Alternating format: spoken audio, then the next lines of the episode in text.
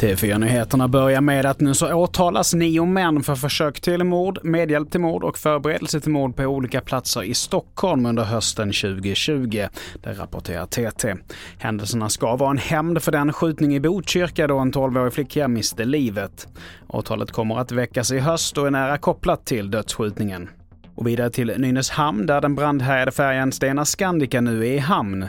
Och så här säger Jonas Fransén som är presstalesperson vid Sjöfartsverket. Alla dessa händelser tar vi på största allvar. Eh, vi förbereder oss alltid på det som eh, kan hända i sådana här lägen. Eh, nu var vi väl ganska säkra hela tiden på att vi, vi trodde inte att det skulle bli någon större händelse av det här, men vi måste ändå förbereda oss på det. Vilket innebär också att vi skickade helikoptrar och började, påbörjade evakuering under en viss tid då vi, inte, då vi var lite osäkra. Vi fortsätter med att Sverigedemokraterna vill höja anslagen för rättsväsendet med 20 miljarder kronor de närmsta fyra åren, det rapporterar TT.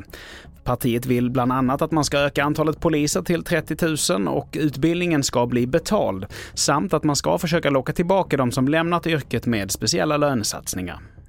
Och vi fortsätter med att det är akut brist på taxiförare i Sverige och på vissa håll så beskrivs läget som extremt. Peter Blomqvist som kör taxi i Östersund säger så här. Det är väldigt ryckigt med jobben.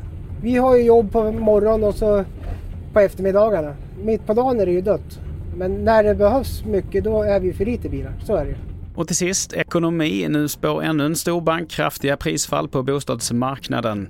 I en ny prognos så tror SCB att bopriserna kan falla med 15 till 20 procent.